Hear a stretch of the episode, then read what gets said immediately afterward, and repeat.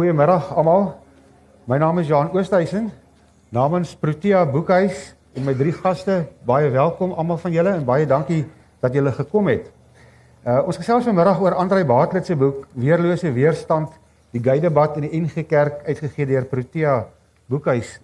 Andrei, eerstens aan jou baie baie welkom. Andrei het uh vanmiddag eers uit Gauteng uitgevlieg al die pad van Gauteng af en so 2 ure gelede hierso geland. So baie welkom in Stellenbosch, Andrei. Uh lekker om jou hier so te hê. Ek gaan nou my ander twee gaste aan die woord stel. Maar almal wat die Geydebat die afgelope jare gevolg het, weet teen hierdie tyd wie is Andrei Baatlet. Hy is uh hoof van Excelsius, die sentrum vir bedieningsontwikkeling aan die Universiteit van Pretoria. Andrei was voorheen predikant van verskeie gemeentes gewees in Pretoria, Potchefstroom en Johannesburg en hy is al byna 20 jaar lank amptelik betrokke by die gay gesprek in die NG Kerk, maar voor dit in die weermag al het hierdie dinge al aan jou aan die dink laat sit. Andre is ook voorsitter van die Suid-Afrikaanse Raad van Kerke in Gauteng en hy dien ook op hulle nasionale uitvoerende komitee. En dan 'n stukkie nuus wat ek gisterand gehoor het, uh Andre se boek wat ons nou gaan bespreek is een van die vyf benoemde boeke op die kortlys vir die Andrew Murray Prys. So veel geluk daarmee Andre. Baie welkom dan ook aan my ander twee gaste wat saam met my aan die gesprek gaan deelneem. Uh daar aan die verste kant is Pieter Oberholzer. Pieter is 'n gay predikant wat weens sy seksuele oriëntasie 'n baie slegte pad met die NG Kerk moes stap en as gevolg daarvan nie toegelaat is om 'n dominee in die NG Kerk te word nie. Hy het egter wel predikant geword.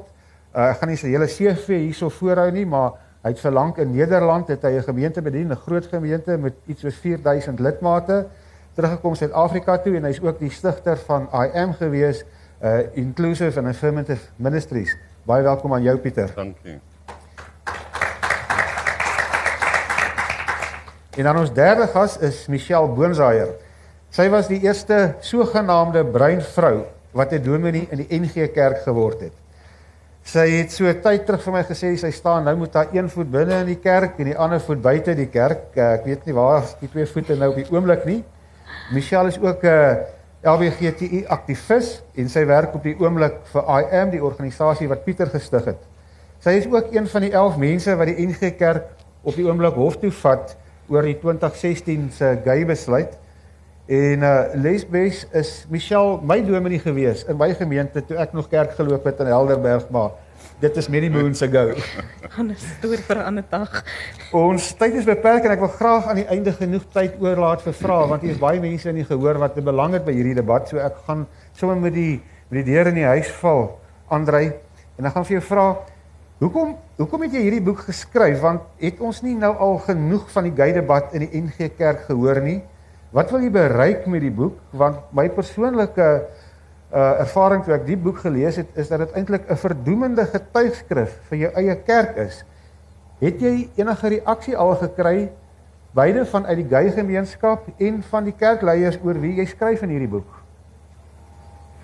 Uh dankie Jean, baie dankie vir die voorreg om uh vanmiddag hier te kan wees en deel te neem aan hierdie gesprek. Is regtig vir my 'n uh, 'n uh, groot voorreg. Ja, waarom het ek die boek geskryf? Miskien moet ons vir Nicole Stassen vra. Uh Nicole het vir my gevra wanneer skryf ek 'n boek oor die gay debat? Proteas bereid om hom uit te gee en ek het die volgende dag begin skryf. Uh ja, dit vir my gevoel ek is op 'n tyd in my lewe en in 'n tyd waar hierdie debat het sekere uh punte bereik. 'n Saak waarby ek baie jare soos jy gesê het by betrokke is en dit is my uh belangrik geweest om iewers in die eerste plek vir myself verantwoording te doen oor dit wat ons die waarby ek saam met 'n groot klomp ander mense oor jare betrokke was wat baie vir my energie en aandag gevra het. Dit is vir my goed geweest om 'n persoonlike verantwoording te doen. Dis ook die invalshoek van die boek. Dis 'n persoonlike perspektief. Dis nie 'n geskiedenishandboek nie. Dit is 'n persoonlike perspektief.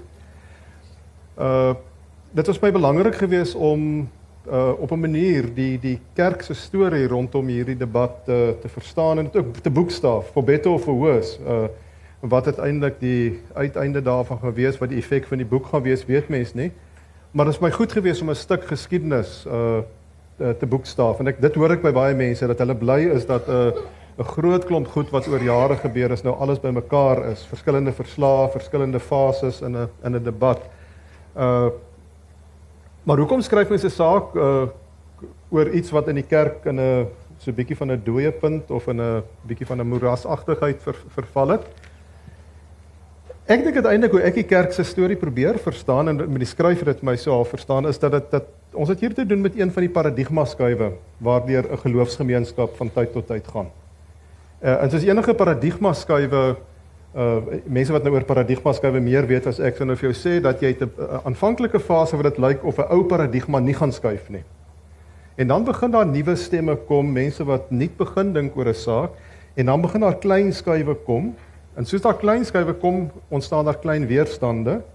Uh en dan soos die tyd aangaan, uh bereik jy sekere punt wat dit lyk asof die paradigma gaan skuif, waar die ou paradigma verbygaan en 'n nuwe paradigma tot stand gaan kom. Uh en dan word die weerstand natuurlik ook meer. Hoe nader jy aan die die die skuif in die paradigma kom, hoe groter word die weerstand. Uh, nou weet ek nie of ons by daai punt was nie. In 2015 het ek eintlik gedink ons was by die punt dat die paradigma geskuif het. Maar 'n jaar later het skuif hulle op. Ja, uh, wat uiteindelik uh, die die wat eintlik gesê dat die weerstand uh, sterker was as iemand soos ek ek verwag het. Uh in daai sin is my belangrik geweest om die die boek te skryf om te sê of dit ons reeds by die punt is waar die paradigma geskuif het of nie. Uh ek dink is nodig vir my gewees en ek dink is dalk vir mense in die kerk en ook vir mense wat oor die kerk wonder uh belangrik om te sien hoe die saak verloop het tot tot tot op hierdie hierdie punt. Uh het jy enige reaksie al gekry van die kerk se leierskap oor die boek want jy noem van hulle by die name? Ja, uh ek het by party van die leierskap het ek Wil jy dit met ons deel? Ek, uh die vraag is gewoonlik hoe verkoop jou boek? Uh ja, daar is mense wat wat wat positief reageer, daar's mense wat niks sê nie en dan aanvaar ek dat hulle negatief uh, reageer. Uh Ek kry baie reaksie oor van van mense wat die boek gelees het en wat wat uh wat in enerzijds sê dankie dat ons nou 'n breë prentjie het. En dis onder andere die doel van die boek gewees. Dis eintlik na die 2015 uh algemene sinode het 'n goeie vriendin van ons uh vir my gesê, "Andre, jy moet nou 'n boek skryf."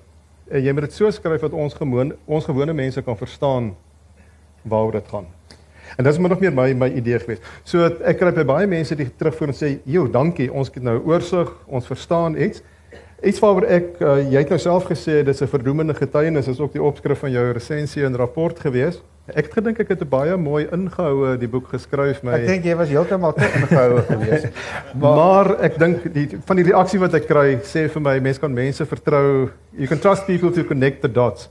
Daar's mense wat my sê hulle is verskriklik kwaad nadat die boek gelees het en ek is nie kwaad vir hulle omdat hulle kwaad is nie. Ek wil ek wil sommer my gaste nou sommer dadelik inbring. Pieter, ek wil sommer dan na jou toe gaan want uh jy figureer al sommer hierso op bladsy 30 in Andre se boek en ek wil nie jy moet nou daai hele storie oor vertel wat met jou gebeur het nie, maar jy kan dalk nog in 'n sin of twee sê want dit is 'n uh toe ek dit gelees het, kry kan mens nie amper anderster as om 'n 'n weersin te kry nie. Uh, op bladsy 30 vertel Andre hierdie weersinwekkende storie hoe 'n teologieprofessor by die kweekskool aanbeveel het dat jy behandeling vir jou seksuele oriëntasie moet kry en uiteindelik beland jy toe in Stikland waar jy herhaaldelik elektriese skokke toegedien is om jou sogenaamd te genees. Uh uh as 'n mens dit lees, vervul dit 'n mens eintlik met weerstand. En Andrei praat nou van paradigma skuwe wat besig is om te gebeur of nie te gebeur nie. Ek sien nie daai paradigma skuwe nie. Uh wil jy nie vir ons ietsie van jou ervaring vertel nie en ook dan is jy welkom om te reageer op Andrei se boek want ek neem ja. aan jy het 'n bietjie van die boek gelees. Ja, ek het nou al eintlik hier op pad hiernatoe die ure die meeste van my anger, nie oor jou boek nie, maar oor die stryd uh, hmm. aan my arme eggenoot wat daar sit kwyt geraak. So ek moet ek moet dit kort hou. Uh ja, wat betref die aversie, ek het nooit daai professor kwaliek geneem nie tot vandag toe nie. Hmm. Want ons leef in 'n konteks, want op daai stadium met die APA, die American Psychiatric Association, die leidinggewende mense nog gesê dis 'n siekte. Hmm. So daai professor het die binne die konteks gelees. En sy konteks was dit. En ek het met hom saamgestem en ek wou dit doen. Maar in 93 het die APA geskuif. Voordat die kweekskool my uitgeskop het, het die APA al besluit dis nie meer 'n siekte nie. Dis nie 'n deviant behavior nie, dis 'n variant behavior. Die kweekskool het daarvan nie kennis geneem nie. En toe ek toe gehoor het, ek het gelukkig toe al my graad gehad, maar ek nie my proponensjaar kan nou nie, was my wêreld natuurlik plat geslaan. Ek was al 'n klein kindjie dat dat ek weet ek wil predikant word. So jou wêreld val in mekaar. Uh sowieso dat ek is toe weg uh om oor see 'n uh, M te doen in uh in uh, kunsfilosofie want ek het terselfdertyd met kweekskool wat ek baie boring gevind het, het ek ook filosofie onneers gedoen. So ek het kunsfilosofie gaan studeer en in Nederland het my daai jaar 'n klein bietjie verander, maar ek was nog 'n preets CSV jongetjie. CSV bedoel ek met read your bible pray every day houding, né? Nee? En toe het ek teruggekom en in 75 het ek weer gaan praat met die kweekskool, daar's geen verandering nie.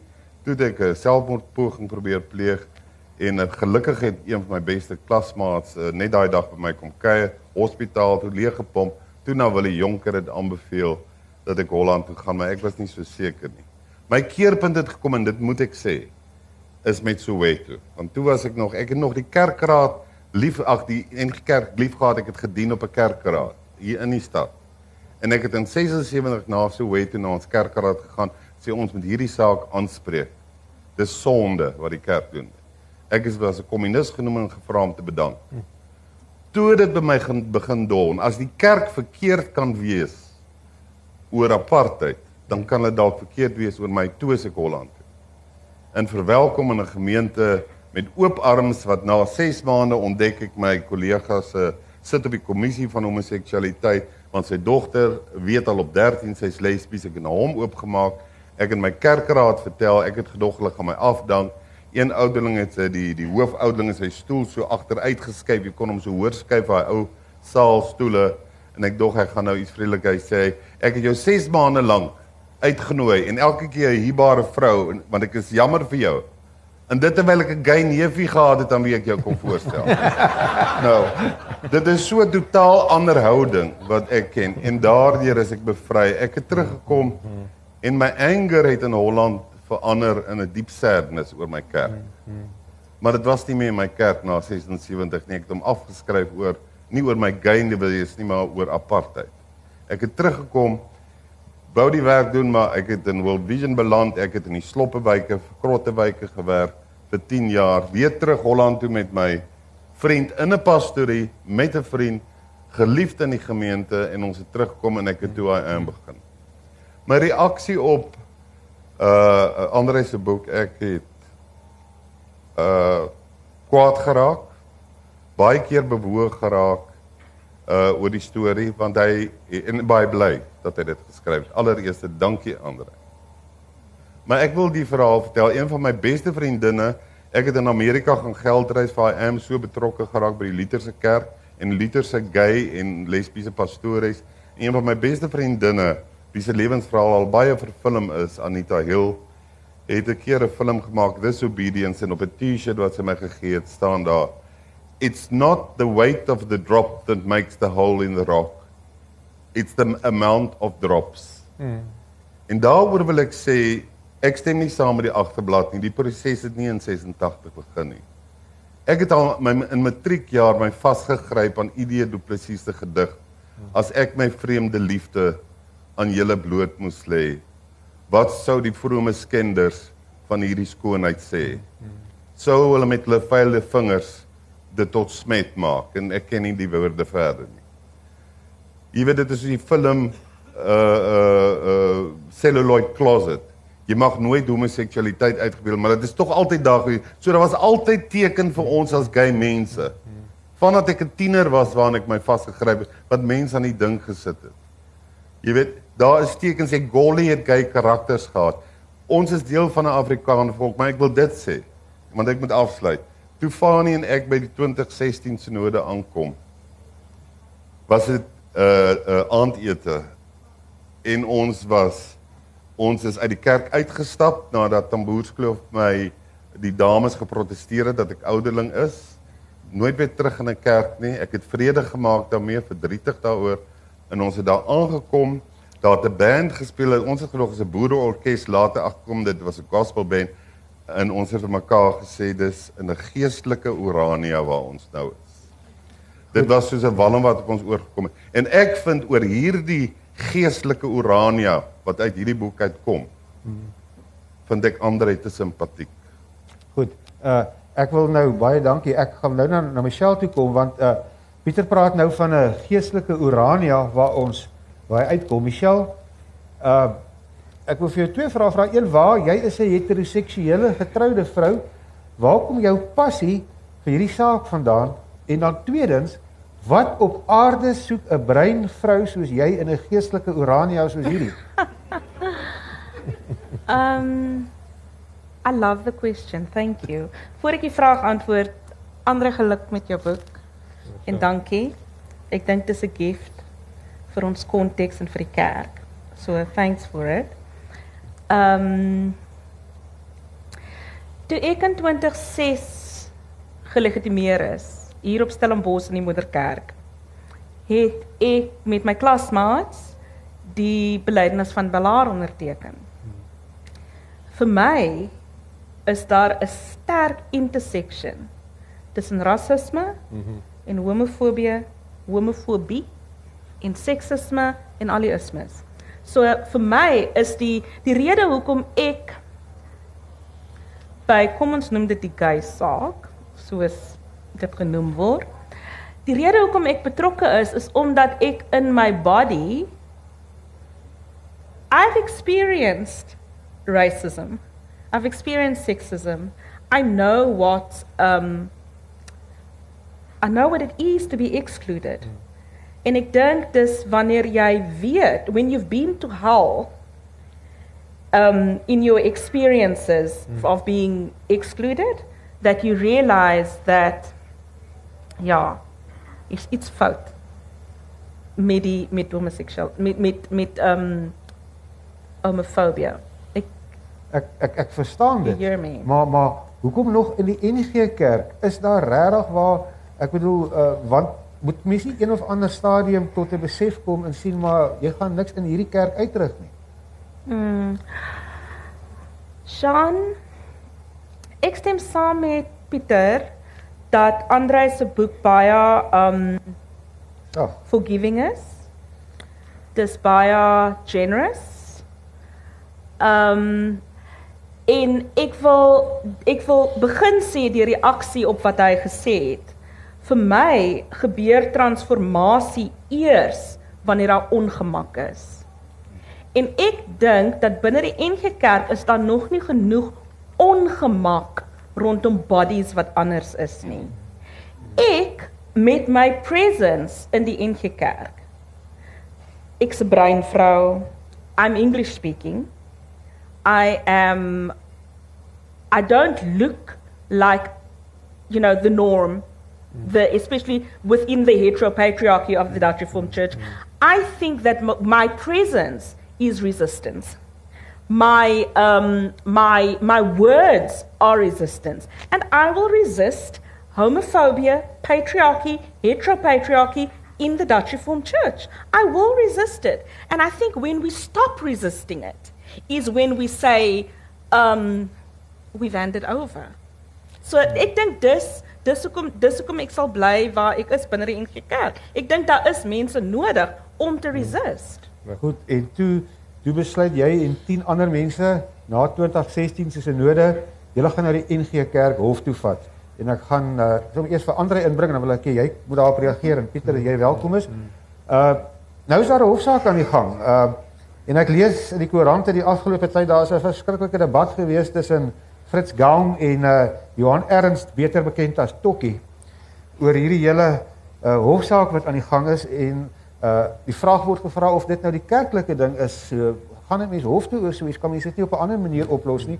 En nou sien ek vanoggend op jou Facebook, Andre, lyk my daar's alweer 'n ek wil amper sê 'n gekonkel agter die skerms oor 'n vergadering volgende week van die NG Kerk by die ASM waar onder andere ook Johan Ernst en uh, Chris van Wyk en en die ouens betrokke is. Hoe voel jy oor die hofsaak? Uh, Dink jy dit is 'n goeie ding en wat verwag jy kan daar uitkom?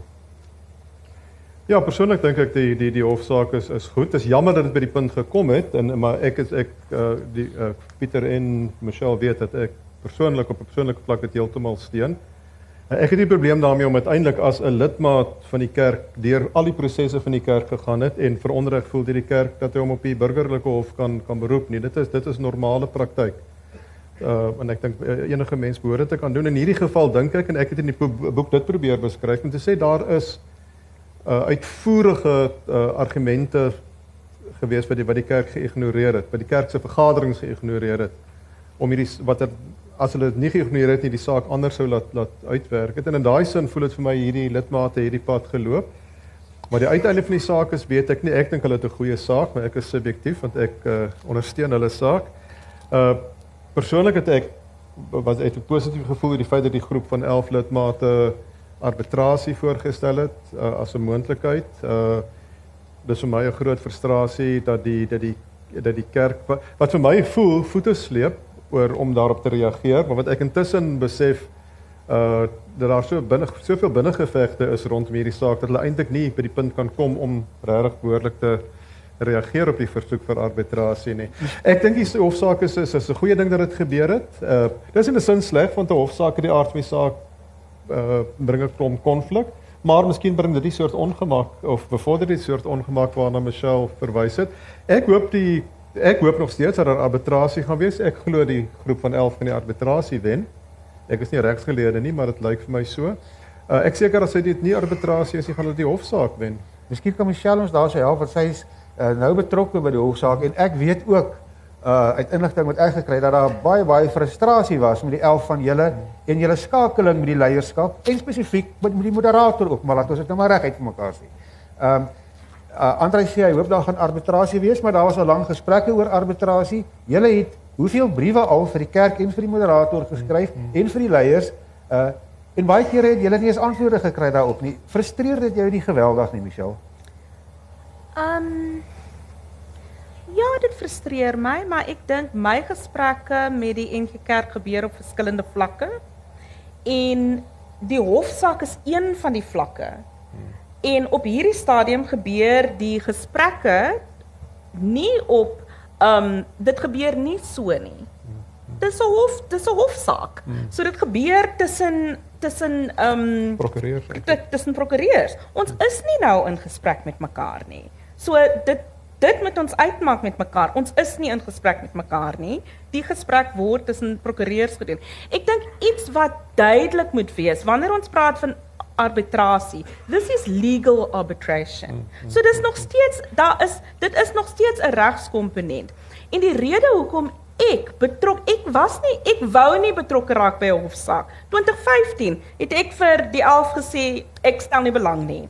Dis eers na want I had every confidence in this church after 2015 that we could we could transform. I really had every confidence. Dis eers na 2016 dat ek gesê het ek sê jammer, nou posisioneer ek myself as 'n geloofsleier, posisioneer ek myself en ek ek sal nou die legal route neem. En een van die redes hoekom ek dit gedoen het, die die NG Kerk is 'n heteropatriargale instelling, nê? Nee? Dit is 'n heteropatriarchy.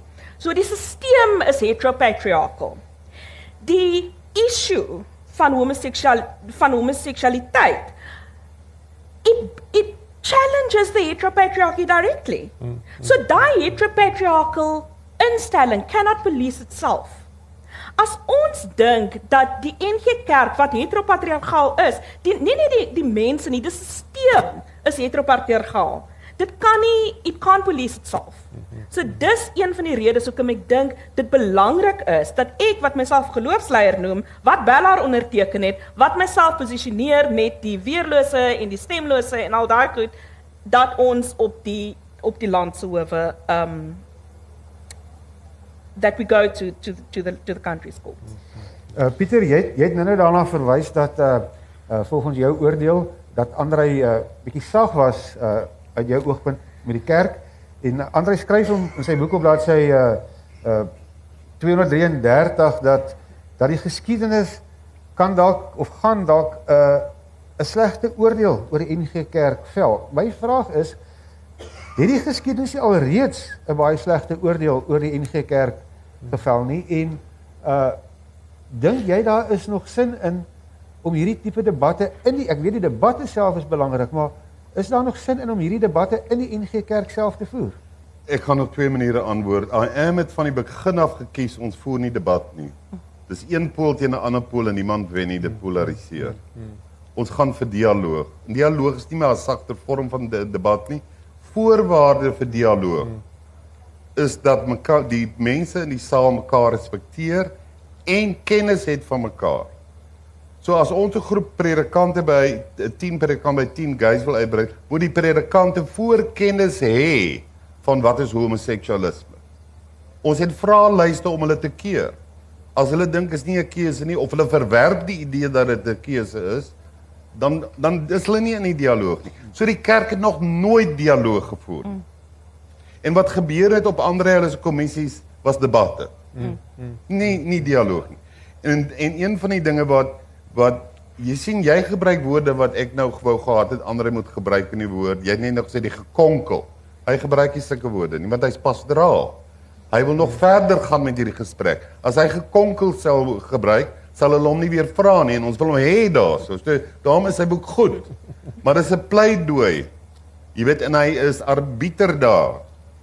Maar om vier synodes te sê die twee groepe het saam besluit oor een ding stem hulle saam.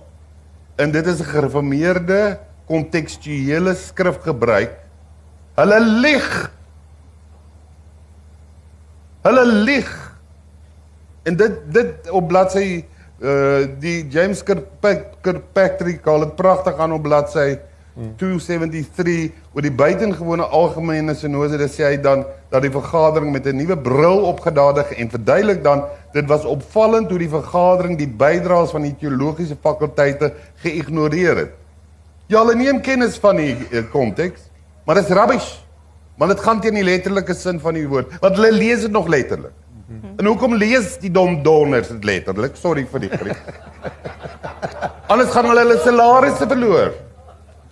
As hulle vir die vir die wêreld moet gesê en dit het ek 20 jaar gelede hier ook in Stellenbosch vir 30 predikante gesê, julle is te lui en te bang om vir julle gemeentes te sê die aarde is nie meer plat nie. Want die Bybel sê so by wyse van spreuke. Want die jou gemeentelede glo dit nog. En hulle gaan jou 'n kommunis noem toenertyd toe ek my bediening begin het, was dit nog die woord. Later het hulle my aktivis genoem. Weinig word ek ooit dominee genoem deur die mense. Hulle gaan hulle werke verloor, hulle gaan hulle jobs verloor en nie net alleen dit nie. Dis 'n maklike manier van dominee wees. Slaan die boek oop. Dis die woord van God. Daar staan dit. Moenie net my strei nie daar staan. Dis lui. En daarom sê ek ons volk die kerk is nie anders as ons volk nie. As ek ween oor die kerk, ween ek oor die Afrikaanse volk wat nog nie verder gekom het as braaivleis, rugby, sunny skies en Chevrolet nie. Hoeveel hoe hoe groot oplaag is jou boek, Andrei? Sê eerlik. 3000 uh Nico? Dink jy 3000? Hoeveel van daai 3000 dink jy gaan uit die agterhoek kom in jou boek koop? Dit is bekeerdes wat jou boek gaan koop en 'n enkele met 'n bietjie integriteit wat negatief is. So ek wens dat Andre sy gevoelens openbaar gemaak het, maar hy kon nie. Want hy het 'n rol om te speel. En om te sê die die ander partye het ingedien hulle glo in die kontekstuele uh, uh, lees van die Bybel, maar hulle verwerp die hele konteks. Want dit is wat gebeur. Die kerk lieg. Dat en dis die skeiding. Ek ek kan Dis die groot skeiding. Ja. Ek kan ek kan verstaan uh dat Andre het nie in sy boek geskryf het nie, maar dit is dit is ook iets wat wat ek uh wil nie sê gemis het nie, want jy kan seker nie sê die kerk lieg nie, maar dit is tog dit is tog die boodskap as 'n mens dit is vir my tog die subteks in jou kerk Andre hmm. dat hulle dat hulle gekonkel het. Laat ons nou maar dan daai woorde hier gebruik. Dat hulle uh, uh sekere van hulle nie wat nie almal nie, maar geheime vergaderings gehou het. Dat hulle jou soveel so gefrustreer het dat jy na 'n gesprek met die moderator bedank het uit die uit die ASM uit. Hmm. Uh my vraag is dan kan die kerk se leiers regtig nog van moraliteit praat as dit die manier is hoe hulle hierdie saak bedryf? Ja, ek ek ek hoor wat wat Pieter sê en ek ek ek kom 'n lank pad saam met Pieter. Ek het uh ek las geen manier dat ek Pieter se ervaring uh wil verminder of uh, Ek wil net af, sê ek kan dit nou sê want ek's nou afgetree as direkteur van ja, ja. Toe ek nog direkteur was kon ek dit ja, sê soos ja, ek nou ja. gesê het. Ek moet net dit ja. wys sê. Ek kan nie net so maklik soos Pieter sê hulle het gekonkel en hulle lieg en hulle is lui nie. Daar is mense in die kerk wat konkel. Daar is mense in die kerk wat lieg.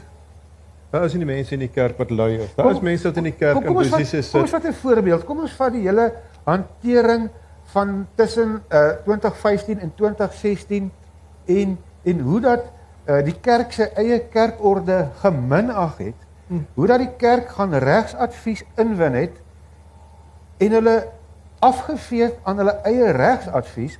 Hoe dat daar by 2016 se synode toe die vorige moderator vir die moderator vra, "Wat was julle regsadvies?" Toe wil hy dit nie eers vir sy eie kerk se synode gee nie. Hoe wat maak 'n mens daarmee? Dit staan alles in die boek. Uh, as ek dit nie wou skryf nie, sou ek dit nie geskryf het nie. Dit staan in die boek. Uh, ek vertrou die intelligensie van lesers dat hulle self uh om Pravin Gordhan aantal Maar dat kan wat sê connect the maar wat sê dit van die NG Kerk se huidige leierskap? Die NG Kerk se leierskap is is is is, is verskillende mense wat op verskillende punte is. Uh uh en van daai mense en dis in 'n sekere sin wat vir my moeilik maak is nie die, die feit dat my eie posisie moeilik word of dat ek bang is vir my eie posisie nie. Ek dink ek is genoeg oor jare uh dat mense gesien ek is harde gehad genoeg om ook nie bang te wees vir wat met my gebeur nie. Uh deel van die probleem is as jy binne in 'n stelsel is en dis deel van die ding mm. die ding. As jy binne in 'n stelsel is, uh dan sien jy baie keer nuances raak wat mense van buite nie raak sien nie. Maar terselfdertyd is jy ook baie keer jy's verstrengel in die stelsel. Ek wil iemand soos die moderator van die NG Kerk, Niels van Rensburg, is 'n baie baie goeie vriend van my vir van die laat uh 70 jaar af. Wat beteken dat jy in 'n sekere sin oor jare mekaar goed genoeg ken dat jy dalk te veel van hom verstaan en te veel begrip het. Wat terselfdertyd beteken dat jy ook verstaan wat met hom gebeur. In 'n sekere sin dink ek is 'n ou soos Nelis van Rensburg dieselfde soort situasie as 'n as 'n Cyril Ramaphosa. Wat doodgewoon met sê jy's ouens wat wat Met ander woorde beweegruimte wat jy lam sê is lê. dat dat die moderator is 'n goeie kerkpolitikus. Want hoe op aarde kan jy 2015 se besluit met soveel uh vreugde aanvaar en verkondig en sê dit is danksy die Heilige Gees en hy gaan dra dit uit en 'n jaar later gaan daai selfde goeie vriend en moderator van jou in die teenoorgestelde besluit verdedig hy met dieselfde passie kan jy amper sê. Ja, dit dit is nie heeltemal waar nie, maar ek dink ek ek ek en ek ook Nelis het het ernstige oordeelsfoute gemaak wat ek in die boek sê wat ek vir homself ook Hy gesê verdedig het. 2016 se besluit. Uh ek dink hy verdedig 2016 se besluit nie. Hy hy verdedig 'n soort van hy probeer 'n proses oophou en aangaan. Ek ek ek dit is kompleks vir my en 'n sekere sin om myself uh en dit is presies daai ding as jy in 'n huwelik sit en iemand anders sê vir jou man los die man. Uh, maar jy is in hierdie huwelik en daar's klomp ander kompleksiteite wat jy weet wat nie so werk nie. Daar's sekere mense wie se integriteit ek regtig ernstige vrae oor het. Iemand soos Nelis is 'n het ek nie probleme met sy integriteit nie. Ek het 'n probleem met hoe hy partykeer onder druk oordeelsfoute maak. Hoe hy partykeer probeer om prosesse te te verduidelik amper wat ek weet eintlik teen sy eie beter wete in is. Maar ek ek verstaan ook dat dit dit amper die soort van Ramaphosa situasie is van uh jy wil vir Batabile Dlamini ontslaa raak, maar jy kan nie van Batabile Dlamini ontslaa raak nie want sy verteenwoordig die vroue ak die vroue amper sê die vroue Maar aksie. maar dan- maar waar- uh, ek uh, net hierop 'n vraag. Ja, seker. So in 'n sekere sin ek ek ek ek ek, ek vat heeltemal die kritiek Ja, dat dat uh, miskien mis my skerper dit en dat vir my was dit belangrik om hierdie boek was nie uh, bedoel gewees as 'n boek om mense uh bloot te stel nie of om 'n soort van my eie builtjies te, te, te sluit. Maar daar's stukke wat ek geskryf het wat ek delete het ook met die met die skryf. Terselfdertyd het ek gevoel ek wil ook party van hierdie mense nie meer krediet gee as hulle krediet hoef behoort te gee nie. Ek wil nie meer bladsye en paragrawe in hulle afstaan as ek dink ek hoef af te staan nie. Uh ek het heeltemal gedink op sekere punte het ek genoeg gesê dat mense self kan sê maar dit is mos nou konkel. En dis wat mense ek wil vir dit Pieter dit sê. Beteken die boeke dit het geslaag om te wys mense het gekonkel om te sê natuurlik is daar mense wat gelieg het. En as mense dit self kan raak sien, hoekom het ek dit nou nog skryf ook? As dit in die dit is mos nou goeie poetry as jy met Ja. met met met minder woorde meer kan meer kan sê. Uh ja, oor die oor die oor die kerk is is en ek wil ek ek ek is volledig ek ek dink ek kan baie identifiseer met wat wat Michelle ook sê dat in 'n sekere sin met al die frustrasie van die met die NG Kerk bly die NG Kerk my geestelike tuiste. Ek bly nie in die NG Kerk omdat ek bang is ek verloor my werk of ek ek bly nie op die oomblik as 'n pastorie nie.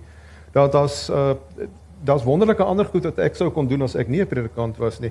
Die die NG Kerk bly my geestelike tuiste. En nou is ek soos daardie gedig wat wat wat NP van Wyk Lou geskryf het na aanleiding van 'n gedig wat Latynse gedig van Catullus wat hy sê ek haat en ek het lief. Odi et om amo in die Latyn. Ek haat en ek het lief. Dan sê hy my land, my land. Ek haat jou soos ek myself soms haat. Ek het jou lief soos ek myself soms durf lief hê. Dis hoe ek oor die NG Kerk voel. Pieter, jy wou ingekom en dit Ja, vat niks van van Pieter se ervaring weg Ja. nie. Ek het die NG Kerk lief. Ek wil hê die NG Kerk moet die soort kerk wees waarvan ek droom. Hy is dit nie. En 'n klomp goeters maak dit dat dat hy nie daar is nie. Maar omdat ek die kerk liefhet, wil ek nog steeds sê hy moet so wees. Ek aanvaar as mense soos Pieter, as mense wat baie skerper as Pieter hulle rug op die kerk gedraai het. Maar daar's nog mense in die NG Kerk, gay mense in die NG Kerk wat sê dis ook my geestelike tuiste en ek wil hê my geestelike tuiste moet 'n volledige tuiste wees. Daar word 'n volgende geslag jong mense, ek wil tussen 5 en 10% van die dooplidmate van die NG Kerk is volgens statisties bereken is is gay. Ja. Wat beteken ek kan nie ek is iemand wat oor menswaardigheid, oor mense se se die die die re- respek vir mense, die volle aanvaarding van mense baie sterk voel. Nou kan ek nie agteroor sien en sê ag die kerk is nou nie heeltemal wat hy moet wees nie. Uh, of die kerk is glad nie wat hy moet wees nie, ek loop nie. Ek voel 'n verantwoordelikheid teenoor die kerk waarvoor ek lief is, wat ek ook in baie opsigte haat, daar stye wat ek die NG Kerk haat met 'n vurige haat, maar ek bly lief vir die kerk. En ek wil hê dat 'n volgende geslag mense moet beter 'n beter kerk beleef. Dis hoekom ek boek ook opgedra het. Voor my boek het ek het ek moes besluit aan wie dra ek dit nou op. Ek het nou 'n vorige boek geskryf wat ek aan my vrou opgedra het, het ek nou hierdie slag nie aan haar opgedra nie. Ek het gesê opgedra aan my kleinkinders. Ek sê oupa van twee kleinkinders. In die hoop dat hulle tot geloof sal kom in 'n kerk waar die Godgegewe waardigheid van alle mense van van selfsprekend erken word. Die kerk is nie daar nie. My droom is dat die kerk so 'n plek sal wees en as ek droom oor goed dan neem ek die verantwoordelikheid op myself om te sê maak dit dan so. Ek ek kos bring net vir Pieter in hierso. Ja, ek wil ek, ek dis miskien nou tersyde oor oor oor jou ervaring met met Nelis. Hmm. Ek het hom die eerste keer ontmoet want ek is ook een van die 11 by 'n so gesprek, een van 4. Dat hy 'n ontsettende simpatieke man is. Hmm. En oopkop is, betwyfel ek nie. Maar waaragtig as jy glo iets is sonde, dan laat jy nie 'n appel deurgaan as moderator as jy weet dit teen jou eie kerk word. So daar's mense wat simpatiek is na ons toe. Maar hulle is nog nie oor die streep dat hulle glo dis sonde soos rasisme sonde is. Vervang nou net Ja, ja. die hele homoseksualiteit debat Ja. met apartheid. Sou sou die sinode ooit kom droom om daai besluit wat hulle geneem het apartheid te sonde by die volgende sinode om te draai. Sou dit ooit kon gebeur? Dit het amper gebeur. Met ander woorde, dit die die daar ons het simpatieke mense, maar dit dit laat my dink aan my ouma wat sê van mense wat die die Bybel lettergetrou skriftelik letter vir letter glo. Dierbare kind van die Here. Ja. Nou Andrei maak hom soms misbruik dat daar besonder dierbare vriende is. Dit sê vir my niks. Vir my as gay persoon is glo hulle homofobie is sonde. Ek kom uit 'n kerk, God dank waar georden is in Holland, wat in 1979 nie net 'n pro-gay besluit geneem het nie, maar afgekondig het dat homofobie uit die kerk uitgeban moet word as as sonde en sou 'n kerkraad hom skuldig maak aan homofobie, kan so 'n kerk onder tug geplaas word. Sover het die Hollandse sinode gegaan in 79. Dan is ons nog in kinderskoene wat die paradigma skuif aanbetref, wat my betref. Michelle, jy was by al twee sinodes gewees. Pieter was net by die 2016 sinode gewees.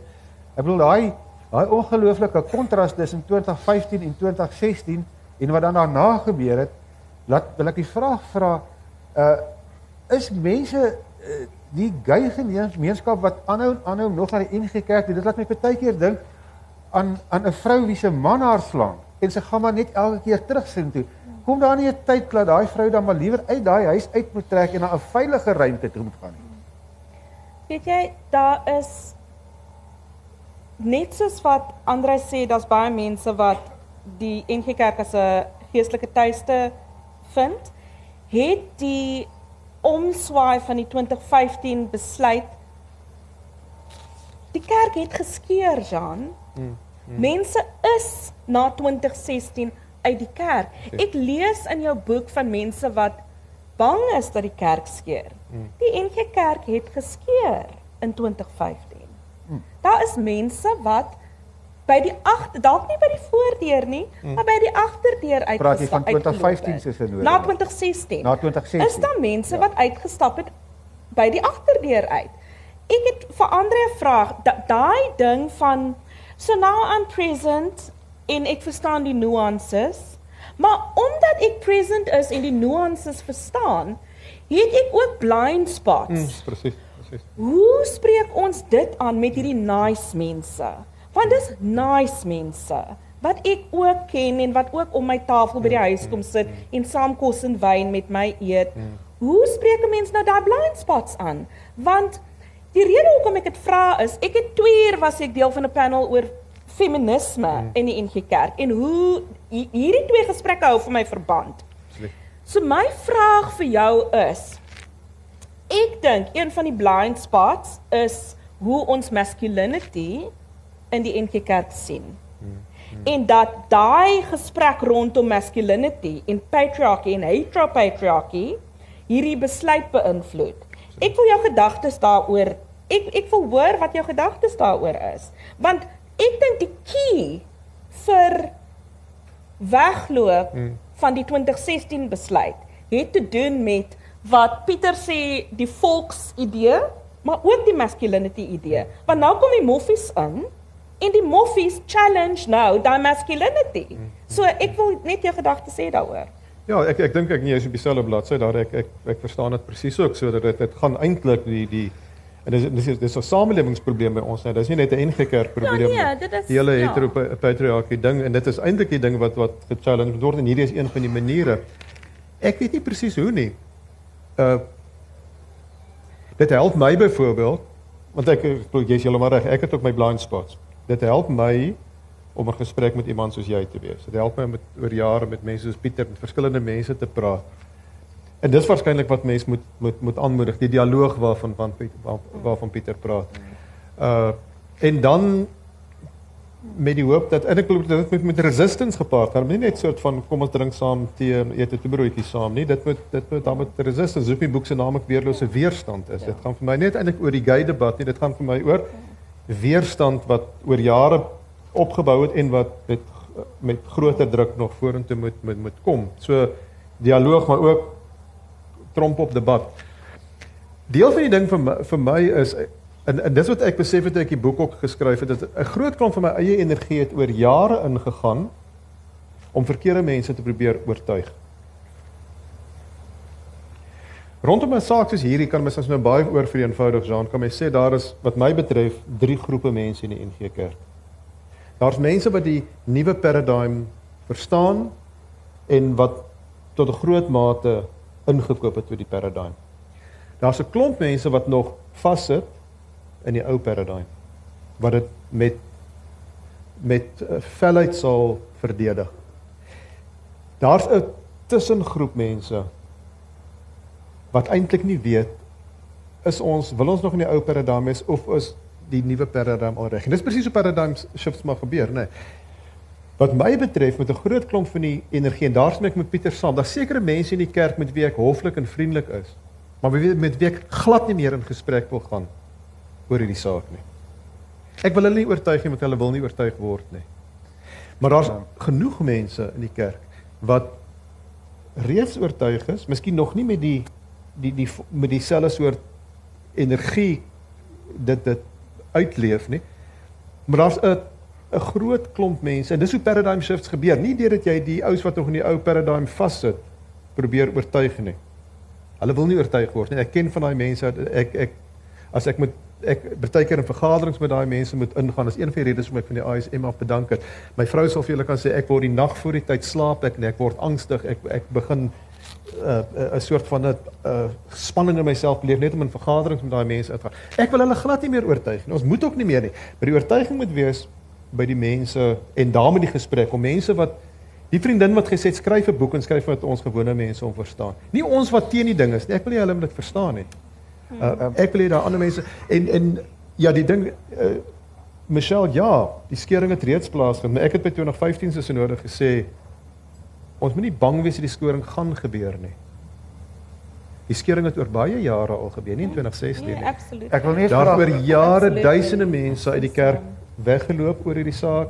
Gay mense, uh, familielede van gay mense, vriende van gay mense het Ja, gesê. Ons het nog net so 10 minute oor en ek wil baie graag vir die gehoor ook 'n kans gee om vrae te vra want hier's ek dink hier's heelwat mense in die gehoor wat belang het by hierdie debat. Is hier enige daar se hand daarso?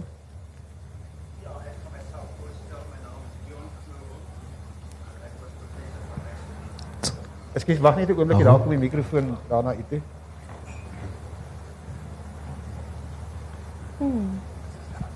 Ek kom van 'n hoogs godsdienstige huis en agtergrond. Hier sit my niggie langs my. Haar pa was 'n predikant. My ander oom was 'n predikant. My moeder was seker een van die mees gelowige vroue en wonderlike vrou wat ek ooit geken het. En sy het die laaste 2 jaar van haar lewe blind geword en ek was in die Kaap en sy was in Bethlehem op die plaas. En ek het vir haar gaan groet om te sien hoe dit gaan.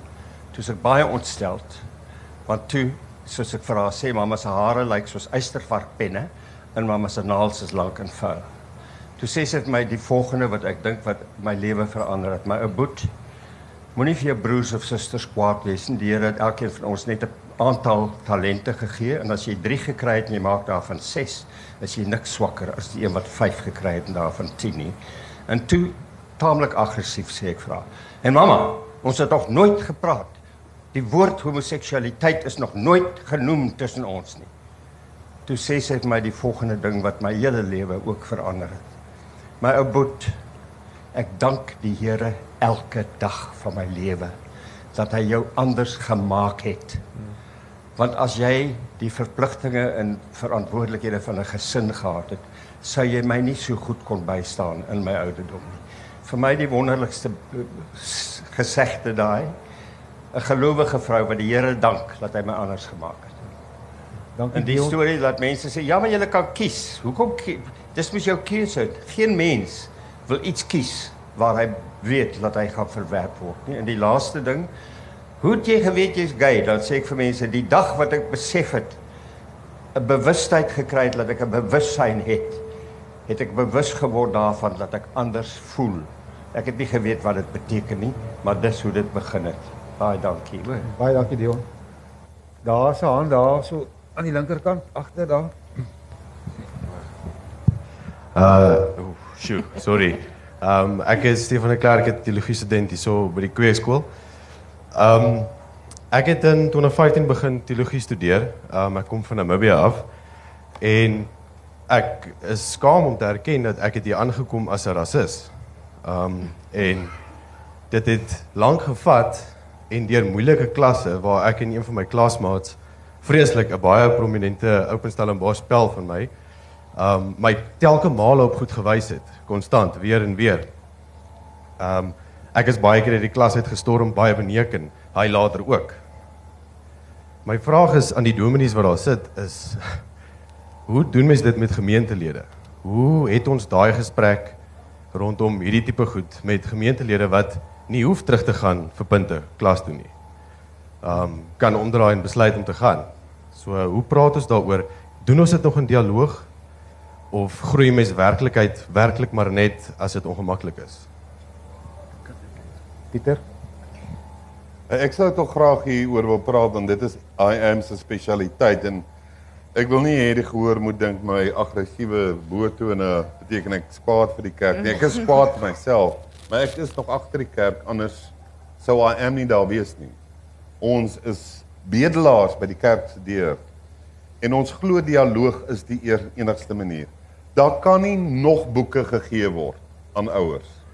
Daar kan nie nuwer gedagtes uitgedink word wat nog nie uitgedink is op papier oor die laaste 2 eeue oor hierdie onderwerp. En kennis alleen maak nie 'n verskil nie. Blootstelling. Absoluut. Vertel jou ouers jy's gay. Vertel jou gemeente jy's gay. En dan gaan jy na jou predikant en sê ek wil 'n groepie begin waar dan net mense wat waar dit veilig is.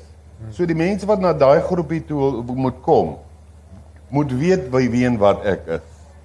Hulle moenie kom en dink ek wil eintlik 'n vrou wees of ek ek agter hulle kinders aan of ek, ek wil eintlik rokke dra nie. Want dan ken hulle nie die konteks nie. Dis gee eers vir jou gemeente inligting oor die konteks van gay mense. Preek daaroor. Stuur inligting uit en as hulle dit het, bring jou gemeente groepsgewys bymekaar. Nee, jy begin met 'n sel, soos 'n Gideonsbende en dit brei uit. Dit brei uit. Ons het dit in Tamboerskloof gedoen en dit het gewerk. Dit het 'n oop gemeente geword. En toe het hy weer toegeslaan. Toe het Soos hy die toegeslaan synode. En toe jy op die ja, maar daai tyd toe jy op die kerkraadsverkiesings by Tamboerskloof, toe is jy ook uit die kerkraad uitgesit as gevolg van jou Ja. seksualiteit. Maar die kerkraad moet jy weet dit is nie in Andre se boek nie. Die kerkraad het nie die die die die besluit van die ring of die synode geonder nie. En het gesê ek kan aanbly. Ek is daarna vir 'n ander rede uit omdat die tees ek het gedog ter wille van die liewe vrede moet Fanie en ek verdwyn. Maar in 99 het Wes-Kaapse Sinode 'n besluit geneem hoe dit moet gebeur.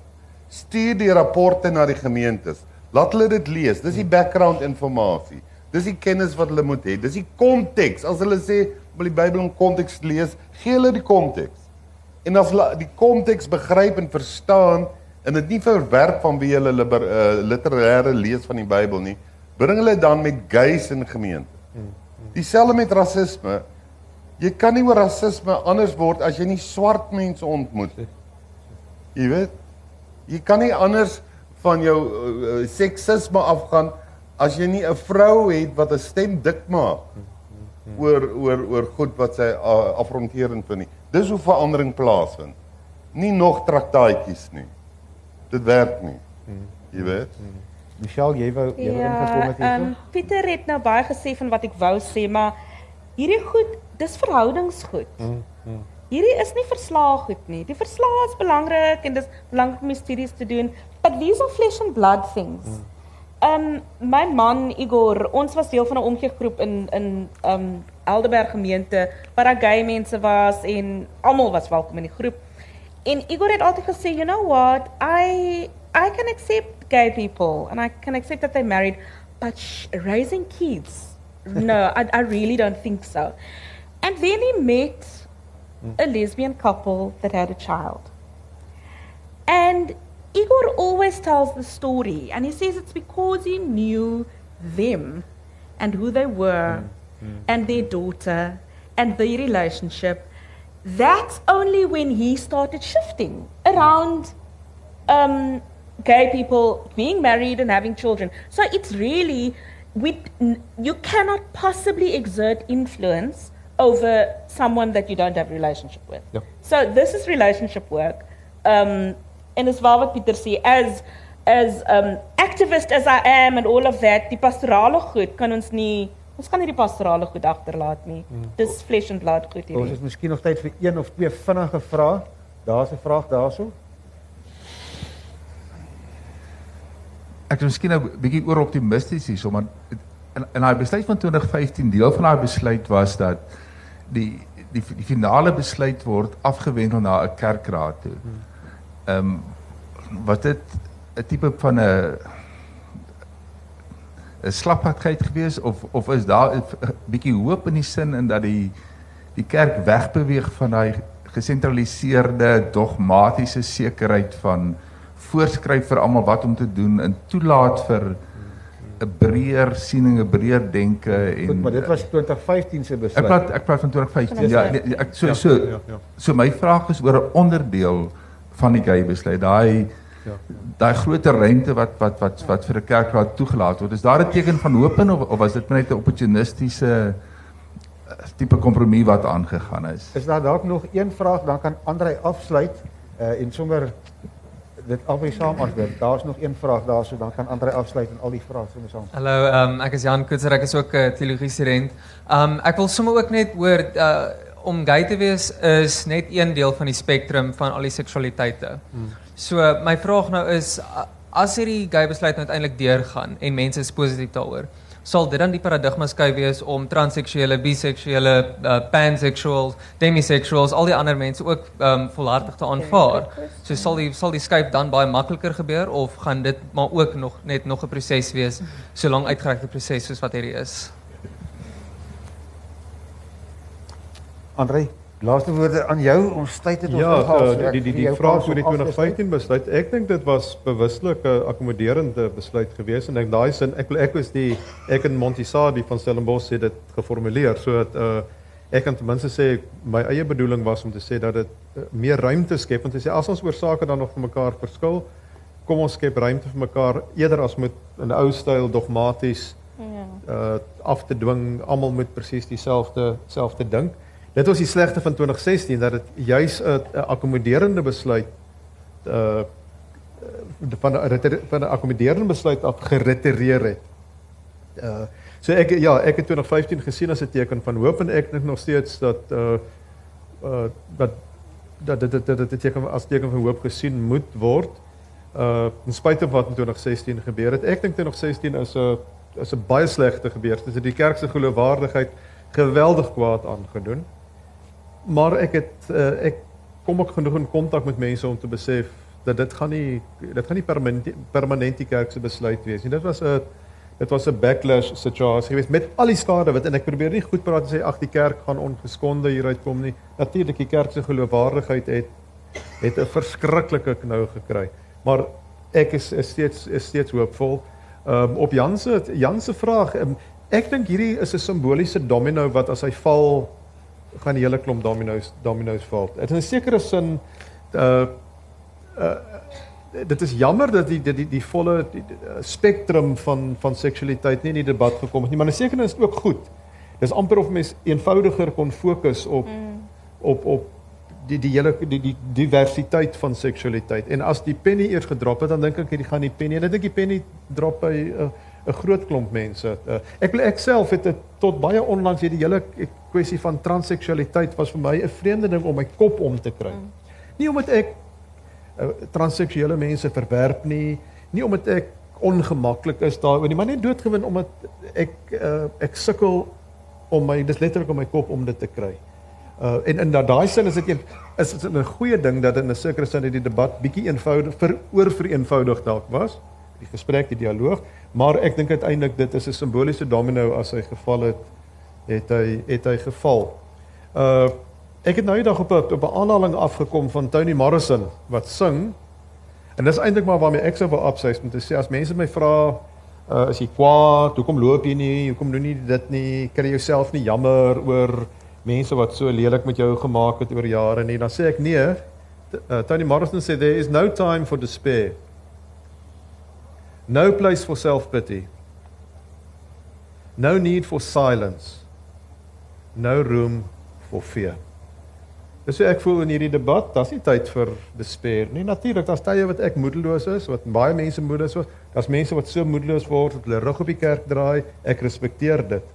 Ek sê vir myself, as ek glo in hierdie saak, then there's no time for this no time for despair. No place for self-pity. Ek het oor jare myself baie jammer gedreig myself baie jammer te kan sê arme ek. Kyk wat hoe lelik maak mense. Kyk hier soort lelike e-posse wat hulle vir my skryf en WhatsApps en goed. Ek het self myself besluit it's not about me. There's no no place for self-pity, no need for silence.